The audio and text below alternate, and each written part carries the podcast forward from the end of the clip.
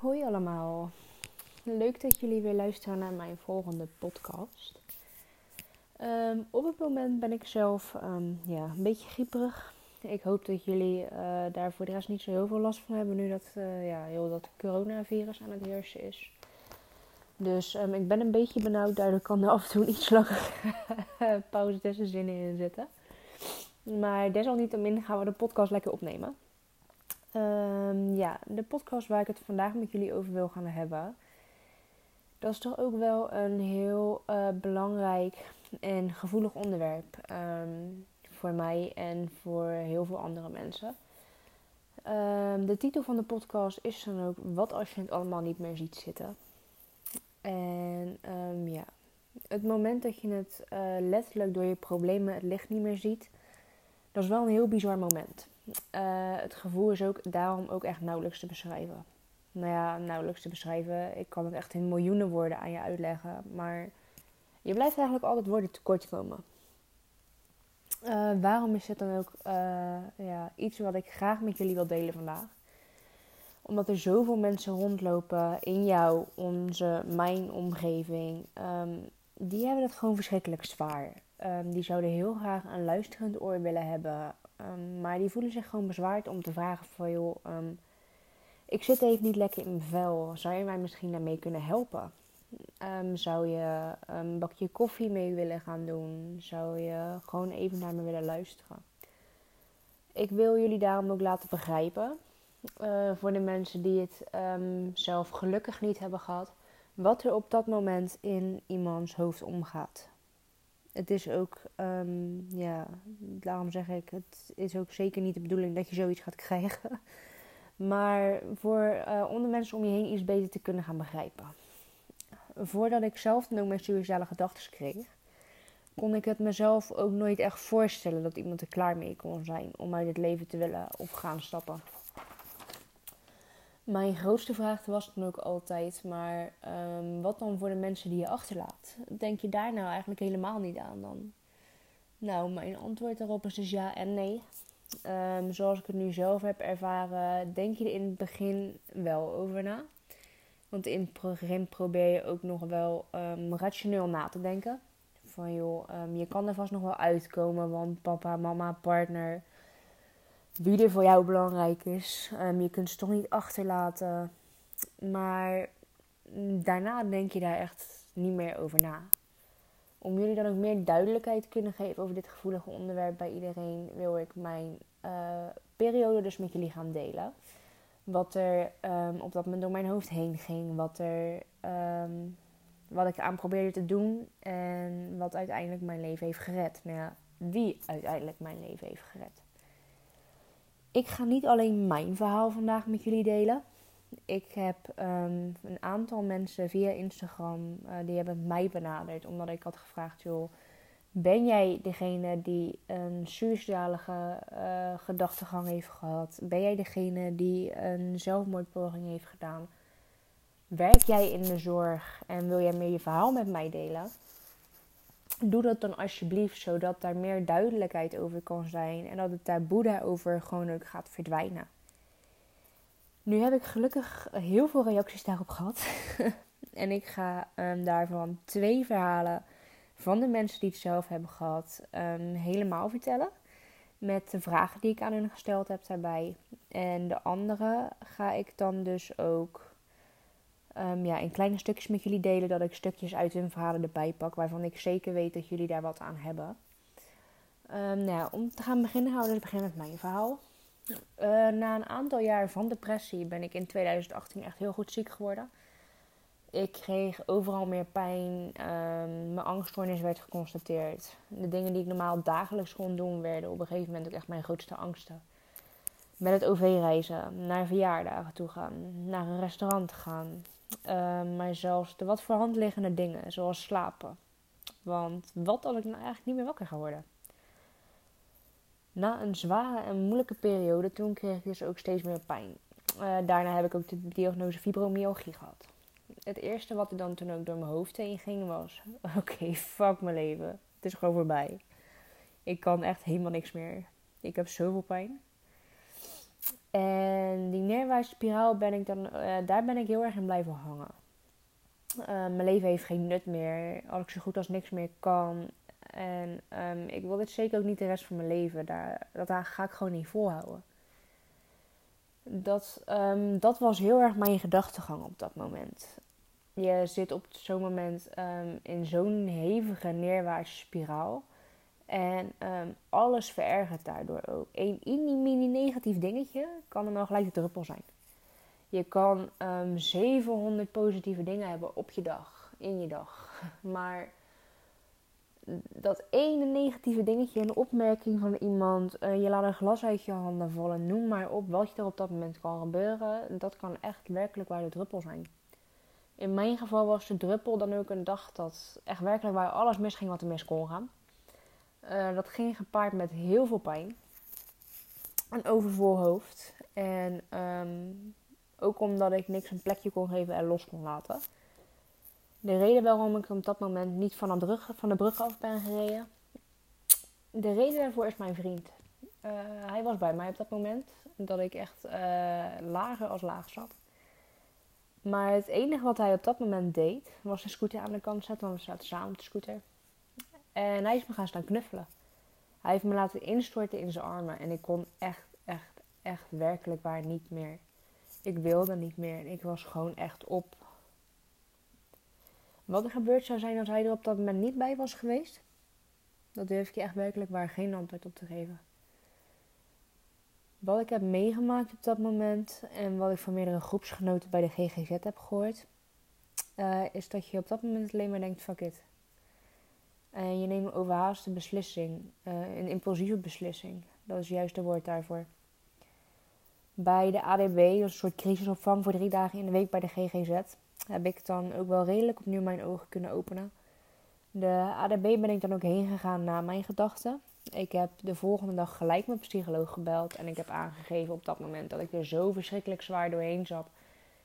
Dat het gewoon echt alles behalve goed ging met mij. En dat vond ik wel heel erg moeilijk om aan te geven hoor omdat ik dan um, iemand zou moeten toelaten op het allerkwetsbaarste moment.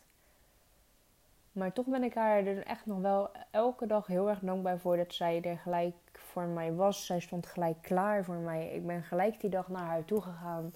En we hebben het er samen over gehad dat ik het gewoon, um, dat ik het niet meer kon, dat ik het niet meer volhield zo. En ze, ja, dat zij mij daardoor gelijk heeft doorgestuurd naar de, AD, uh, naar de ADB. Want um, zij heeft eigenlijk wel gedeeltelijk daardoor gezorgd dat ik hier nog steeds ben. Um, ja, helaas heb ik nog wel meer uh, slechte als goede dagen. Maar ik ben ermee aan, aan het werk. Ik ben heel erg blij dat ik mijn suïcidale gedachten niet meer heb. Of heb gehad. Ik hoop ook echt heel erg dat ik die terug van niet meer ga hebben. Ik probeer het meest positieve dingen uit het leven te kunnen gaan halen. En dat is heel moeilijk hoor. In, want oh ja, op dat moment gaat het gepaard met een depressie. En als je een depressie hebt, is je filter in je hoofd kapot. Uh, het is kapot dat je. Um, nee, het is lekker weer. Weet je, mensen worden blij van lekker weer. Maar als je een depressie hebt, zit overal een maar aan vast. In je hoofd zegt altijd: ja, maar het kan wel lekker weer zijn. Maar je moet wel weer naar buiten. Maar je moet wel weer dit doen. Maar je moet wel weer dat doen. En heb je wel rekening gehouden met dat. Dus um, ja, het maakt het allemaal gewoon heel moeilijk. En daarvoor ook voor de mensen die het nu op dit moment hebben. Ik hoop echt werkelijk waar dat jullie er zo verschrikkelijk snel uit gaan komen. En dat jullie ook de hulp gaan krijgen die jullie nodig hebben. En dat er iemand voor je klaar staat met een luisterend oor. Waarvan jij zeker weet die jou de heel je periode doorheen kan helpen. Die jou niet, niet gaat laten vallen zoals de meeste mensen zullen gaan doen. Want ja, dat is nou eenmaal de harde waarheid. Heel veel mensen hebben er moeite mee om met een uh, ja, depressief iemand om te kunnen gaan. Ook heb ik um, dan via Instagram, wat ik net vertelde, een aantal mensen de vragen kunnen stellen. En dat wil ik dan graag nu met jullie gaan delen. Um, de vragen die ik aan hun gesteld heb, die zou je dan ook wel een aantal keer voorbij horen komen. Omdat um, ja, zoiets uh, bij ieder verhaal verteld wordt. Wat ik, net, wat ik net vertelde aan jullie ga ik twee verhalen helemaal met jullie delen. Omdat dat twee wel hele um, verhalen, tenminste de ene heeft een hele erg grote impact op mij gehad.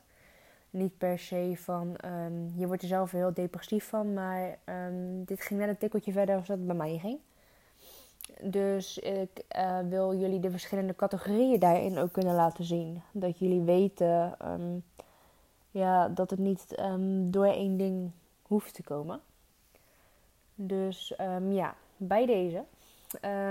mijn eerste vraag was ook, hoe ervaar jij je depressie? Ik ervaar een depressie als het contact kwijt zijn met jezelf. Je persoonlijkheid is verstopt onder een dikke grijze wolk. Je vindt niets meer leuk wat je vroeger wel leuk vond en niets interesseert je meer. Maar ik vond het vooral erg eenzaam. Ik durfde ook niet meer naar buiten. Ik heb praktisch vier jaar lang tussen vier muren geleefd, met heel af en toe een uitzonderlijk uitstapje. Vraag 2. Wat ging er door jouw hoofd toen jouw suïcidale gedachten begonnen? Ik heb vanaf jonge leeftijd al heel veel depressies gehad wat ik nu pas herken. En suïcidale gedachten.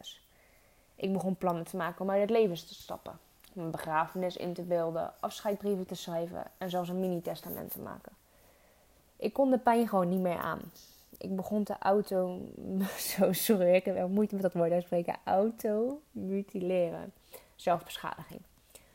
Dat woord ga ik ook gebruiken nu, dat is iets makkelijker. Dat was rond HAVO 2. Rond dezelfde tijd suïcidale gedachten. Gelukkig niet heel heftig en daardoor heb ik er ook weinig en kleine littekens aan overgehouden.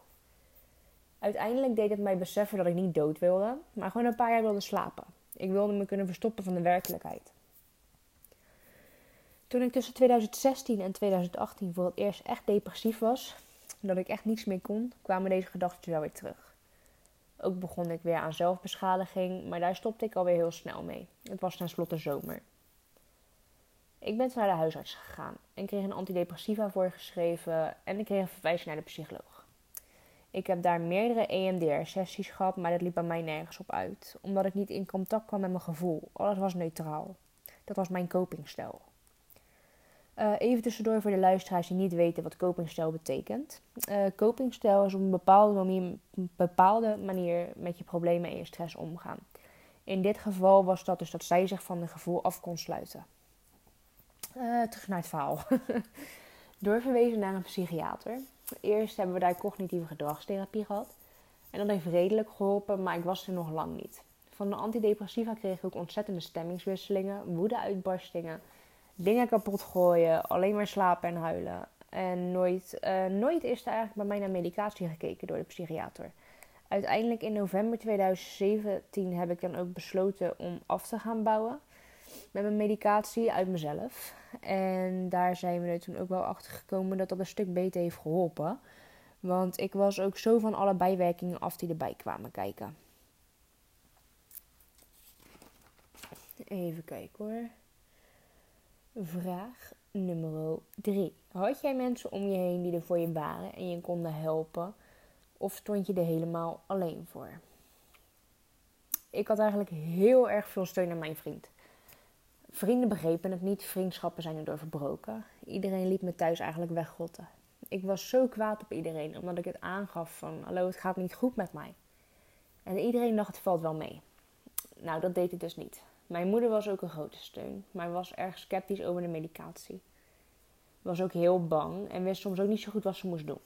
Maar ze was er dag en nacht. Ze was bereikbaar altijd wanneer ik het nodig had. Ook voor mijn vriend als we ruzie hadden. Maar al met al had ik weinig mensen die begrepen of wisten wat er aan de hand was en deden 0% moeite om met iets te verlichten. Het ergste aan de depressie vond ik dan ook wel het verlies van je identiteit, identiteit, het schuldgevoel en dat je er niet meer voor anderen kunt zijn en niet meer kunt meedraaien in de maatschappij. Ik zag mezelf als uitkeringstrekker en al deze dingen verzwakken het lage zelfbeeld dat je al had.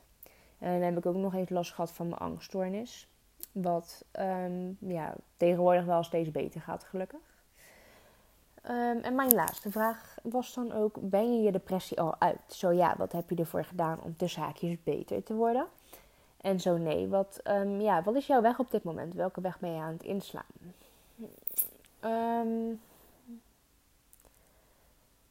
Wat bij mij heel erg heeft geholpen om mijn depressie uit te komen, is praten. Overigens heb ik nooit echt uh, gelukkig nog een echte poging gedaan om toen, toen ik mijn suïcidale gedachten had. Maar ik heb wel vaak op het punt gestaan. En ze wilde ook nog even tegen mij zeggen dat ze het super dapper vindt dat ik dit onderwerp openlijk durf te bespreken. En dat ze heel erg blij was dat ze mij erbij kon helpen. En wat ze ook graag nog aan wilde geven was het ontzettende lage libido door de antidepressiva. Dit is een, uh, ja, een onderwerp waar ook niet heel veel over gesproken wordt. Dit is um, waar zij ook dus nooit over was ingelicht. Ze heeft in twee jaar tijd toen twee keer seks gehad. En dit heeft een hele erge impact op je relatie. Zeker als je nog niet zo heel erg lang samen bent. En dat, daarom vond zij dat ook wel super heftig. En dat is ook super heftig als je dat hebt. Um, want als je een depressie zelf hebt, kan het al heel erg zijn dat je libido zo laag is dat je gewoon ja, helemaal geen zin hebt. Maar um, het, ja, het is niet altijd het geval, maar de antidepressiva kan het wel heel erg verergeren. Dus mocht jij in je depressie zitten en aan antidepressiva gaan, zou ik je ook echt wel aanraden om daar goed mee over te praten met de psychiater. En dat is gewoon helaas in haar geval niet gebeurd. En daar is gewoon niet goed naar de medicatie gekeken. Want medicatie kan je oprecht helpen, maar je moet een goede medicatie hebben. Um, dan het tweede verhaal wat ik graag met jullie wilde delen. Het tweede verhaal is van een hele goede vriend van mij. En mijn eerste vraag was dan dus ook weer: hoe ervaar jij een depressie? Hij ervaarde depressie eigenlijk in grote lijnen als zijn burn-out. Uh, nergens zin in hebben, alleen maar kunnen janken om helemaal niks. Uh, daarbij uh, had hij ook het gevoel dat hij niks kon doen. Hij wilde niet meer bestaan en hij wilde geen pijn meer hebben. Een teleurstelling en verdriet voelen. Kreeg jij je gedachten makkelijk en snel onder controle of is het doorverslagen in zelfverminking of daadwerkelijke poging doen tot zelfdoding? Er ging van alles door mijn hoofd. De gedachten waren vooral als ik er nu uh, gewoon uitstap, hoef ik dit allemaal niet meer te voelen en te ervaren. Dat is eigenlijk de grootste gedachte die er bij een suicidaal persoon door zijn hoofd heen gaan. Het is natuurlijk, hè, het, is een, um, het bouwt op met allemaal gebeurtenissen en hoe je jezelf voelt. Maar op het moment dat iemand echt zover is dat geen uit het leven wil stappen, dan is gewoon, diegene is op. Diegene die wil het allemaal niet meer kunnen voelen. Diegene wil rust. De ene keer ging het dan ook makkelijker om, de, om het onder controle te houden voor hem als de andere keer. Um, het is wel meerdere keren gekomen tot zelfverminking en ook tot een poging tot. Had jij mensen om je heen die er voor je waren en je konden helpen of stond je er helemaal alleen voor? Hij zei: Ik had zeker mensen om me heen. Al weet niet iedereen daarvan. Jij bent een van die mensen die een anker voor mij is. Jij samen met een aantal anderen hebben mij vaker positieve gedachten kunnen geven. Puur doordat het praten met jullie en daarmee ook het gevoel krijgen dat ik wel de moeite waard ben en het leven de moeite waard is. Ben jij je depressie al uit? Zo ja. Um, wat heb jij er vandaag? Uh, wat heb jij ervoor gedaan om tussen haakjes beter te worden? En zo nee, wat is jouw gaandeweg? Um, voor het moment. Wat voor stappen ben je aan het zetten? Voor nu ben ik mijn depressie uit en heb ik ook geen suicidale gedachten meer. Ik heb veel gehad aan jou en ook aan de andere mensen waar ik het over had. Ook heeft muziek mij heel erg veel geholpen en dat doet mij nog steeds heel erg veel. Daarbij natuurlijk ook de mensen uit de muziekindustrie, zoals Tommy Vex, Ivan Modi, excuse me if, als ik het niet goed uitspreek, um, en Josie Scott. Um, by the way, Tommy Vex gaat zeker luisteren. Hij is van Bedwolves. Hun hebben um, hele mooie teksten tussen zitten die jou jouw tijd ook wel goed door kunnen helpen. Maar um, ja, een terugval is altijd mogelijk. De ene keer komt het uit het niks en de andere keer heeft een duidelijke aanleiding. Het enige wat ik zelf direct doe is altijd muziek luisteren en teksten lezen van uh, artiesten die ik al daarboven genoemd heb. Alles, van wat, me, alles wat van buitenaf komt, vraag ik niet om. Maar de mensen um, die bij mij op één komen of op een andere manier naar me toe komen, die zijn mij belangrijk. Waaronder ook jij. Dankjewel daarvoor, schat. Je bent me veel waard. Dat doet mij echt heel veel goed om dat te kunnen lezen. Dat uh, weet hij ook. Dat uh, hij zoveel voor mij betekent en ik zoveel voor hem betekent. En wij hebben elkaar ook wel redelijk alle tweede periodes goed door kunnen helpen. Wij um, stonden samen voor elkaar klaar. Als de ene wilde praten, werd er gepraat. Als de andere een kopje koffie wilde drinken, gingen we een kopje koffie drinken. Dat maakte eigenlijk nooit zo heel veel uit. Ehm, de volgende dingen die ik met jullie daarvoor dan dus ook wil delen is. Ik heb ehm, nog een reactie gehad van iemand. En zij heeft ook suicidale tijd, een suicidale gedachtetijd gehad. Maar zij heeft er geen depressie aan vooraf gehad. En dat is iets wat je niet heel vaak hoort. Want de meeste mensen die in een suicidale periode zitten, zitten ook al een langere tijd in een, in een uh, depressie vast. Dus dan ook mijn vraag: hoe ervaar jij een depressie? Uh, kreeg ik het antwoord op zelf heb ik geen depressie. Ik heb wel mensen rondom mij met een depressie en voor mij was dit eerst niet zichtbaar totdat mij duidelijk verteld werd. Ik merk wel dat hun prikkelbaarheid op een heel ander level ligt. En dat uh, een hele andere onderwerpen voor hen meer prikkelen als dat het bij mij doet.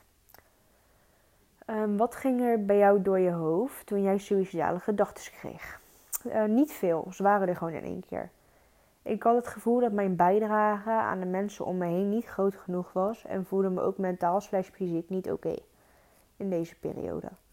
Wat er toen speelde bracht mij op suicidale gedachten. Ik wilde dan ook uh, niet meer en ik zag ook gewoon geen andere uitweg meer. Um, nou ja, heb jij je um, gedachten ook snel onder controle gekregen of is het doorvragen in zelfverminking of daadwerkelijk een poging doen tot zelfdoding? Ze heeft er heel erg mee gestruggeld en bijna een poging gedaan, inderdaad. Uh, gelukkig werd ik uit mijn situatie gehaald en nam de suicidale gedachten af. Maar dat sloeg toen over in zelfbeschadiging, een soort van vervanging. Hier heb ik wel langere tijd over gedaan om er overheen te komen, omdat ik geen andere vervanging vond. In mijn ervaring stond ik er dus alle tijd ook maar alleen voor. Niemand snapte wat er in mijn hoofd omging. Zelfs mijn therapeut en familie niet.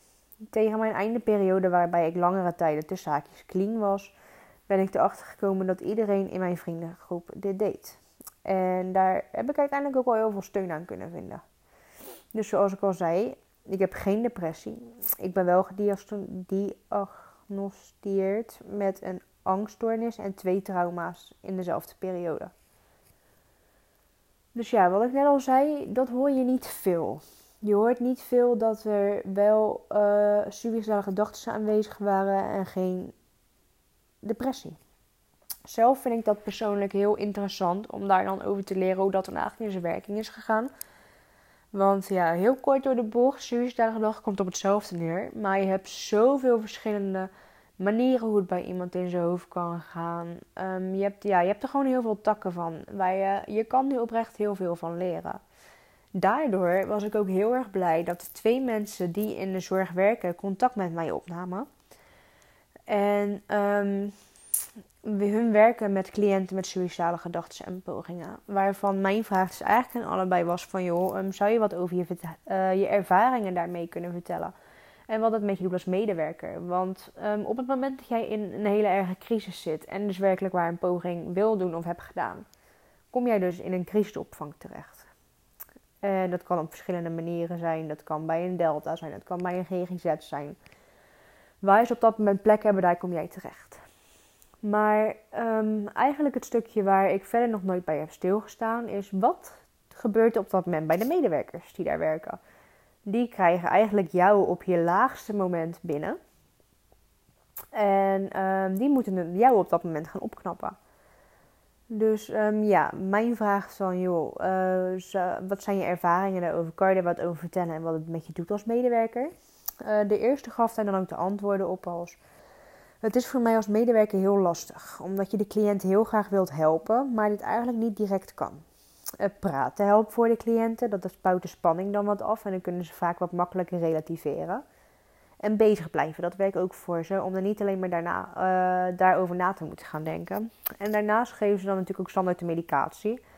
Ergens ben ik zelf persoonlijk geen fan van medicatie, maar op zo'n moment moet je wel. En Um, om diegene rustig te kunnen krijgen, om die nare gedachten uit de hoofd kunnen gaan krijgen, om daardoor therapieën te kunnen gaan starten. Dus ik snap wel heel goed dat ze het doen. Als ik, dat, als ik zover zou zijn als zo, als ja, die mensen die dat echt doen, zou ik het ook wel fijn vinden als ik dan de medicatie ervoor zou krijgen. Um, maar wat ik ook wel heel knap vond, is haar persoonlijk. Uh, haar doet het persoonlijk niks, omdat het een werk is Voor de cliënten vinden ze het wel sneu. En als medewerker uh, wil je ook wel heel erg helpen. Maar je kan de gedachten niet wegnemen. En dat is soms wel heel erg frustrerend. Ook dat snap ik heel goed. Want gedachten wegnemen van iemand met suïcidale gedachten. Ik wens je heel veel succes, maar ik heb nog niet meegemaakt dat dat gelukt is. Je moet ervoor kunnen zorgen dat diegene kan praten en dat diegene zijn ei kwijt kan en dat je hem op alle vlakken kan helpen dat je kan helpen. Maar dat is een vlak waarop je niets of niemand kan helpen. En dat maakt het heel moeilijk, want je voelt je op zo'n moment heel machteloos. Maar die persoon die moet er zelf uitkomen. Maar ik vind het wel knap dat zij daar buitenwerk niet heel veel last van heeft. Want ik zou bijvoorbeeld niet kunnen als ik in zo'n instelling zou werken met de mensen met suïcidale gedachten en die de pogingen doen tot. Ik zou mijn werk wel mee naar huis nemen, denk ik dan. En daarna kreeg ik van um, een oud klasgenootje van mij dan ook de. Um, even kijken hoor. Dat zij um, daar werkt. En mijn vraag was dus ook weer aan jou, joh. hoe ervaar jij het allemaal? En zij ervaart het eigenlijk wel als een hele heftige baan. Ze vindt het leuk om, ja, leuk, ik weet niet of het echt het goede woord is, maar ze wil graag mensen helpen. Daarvoor um, is ze dus ook in die sector gaan werken.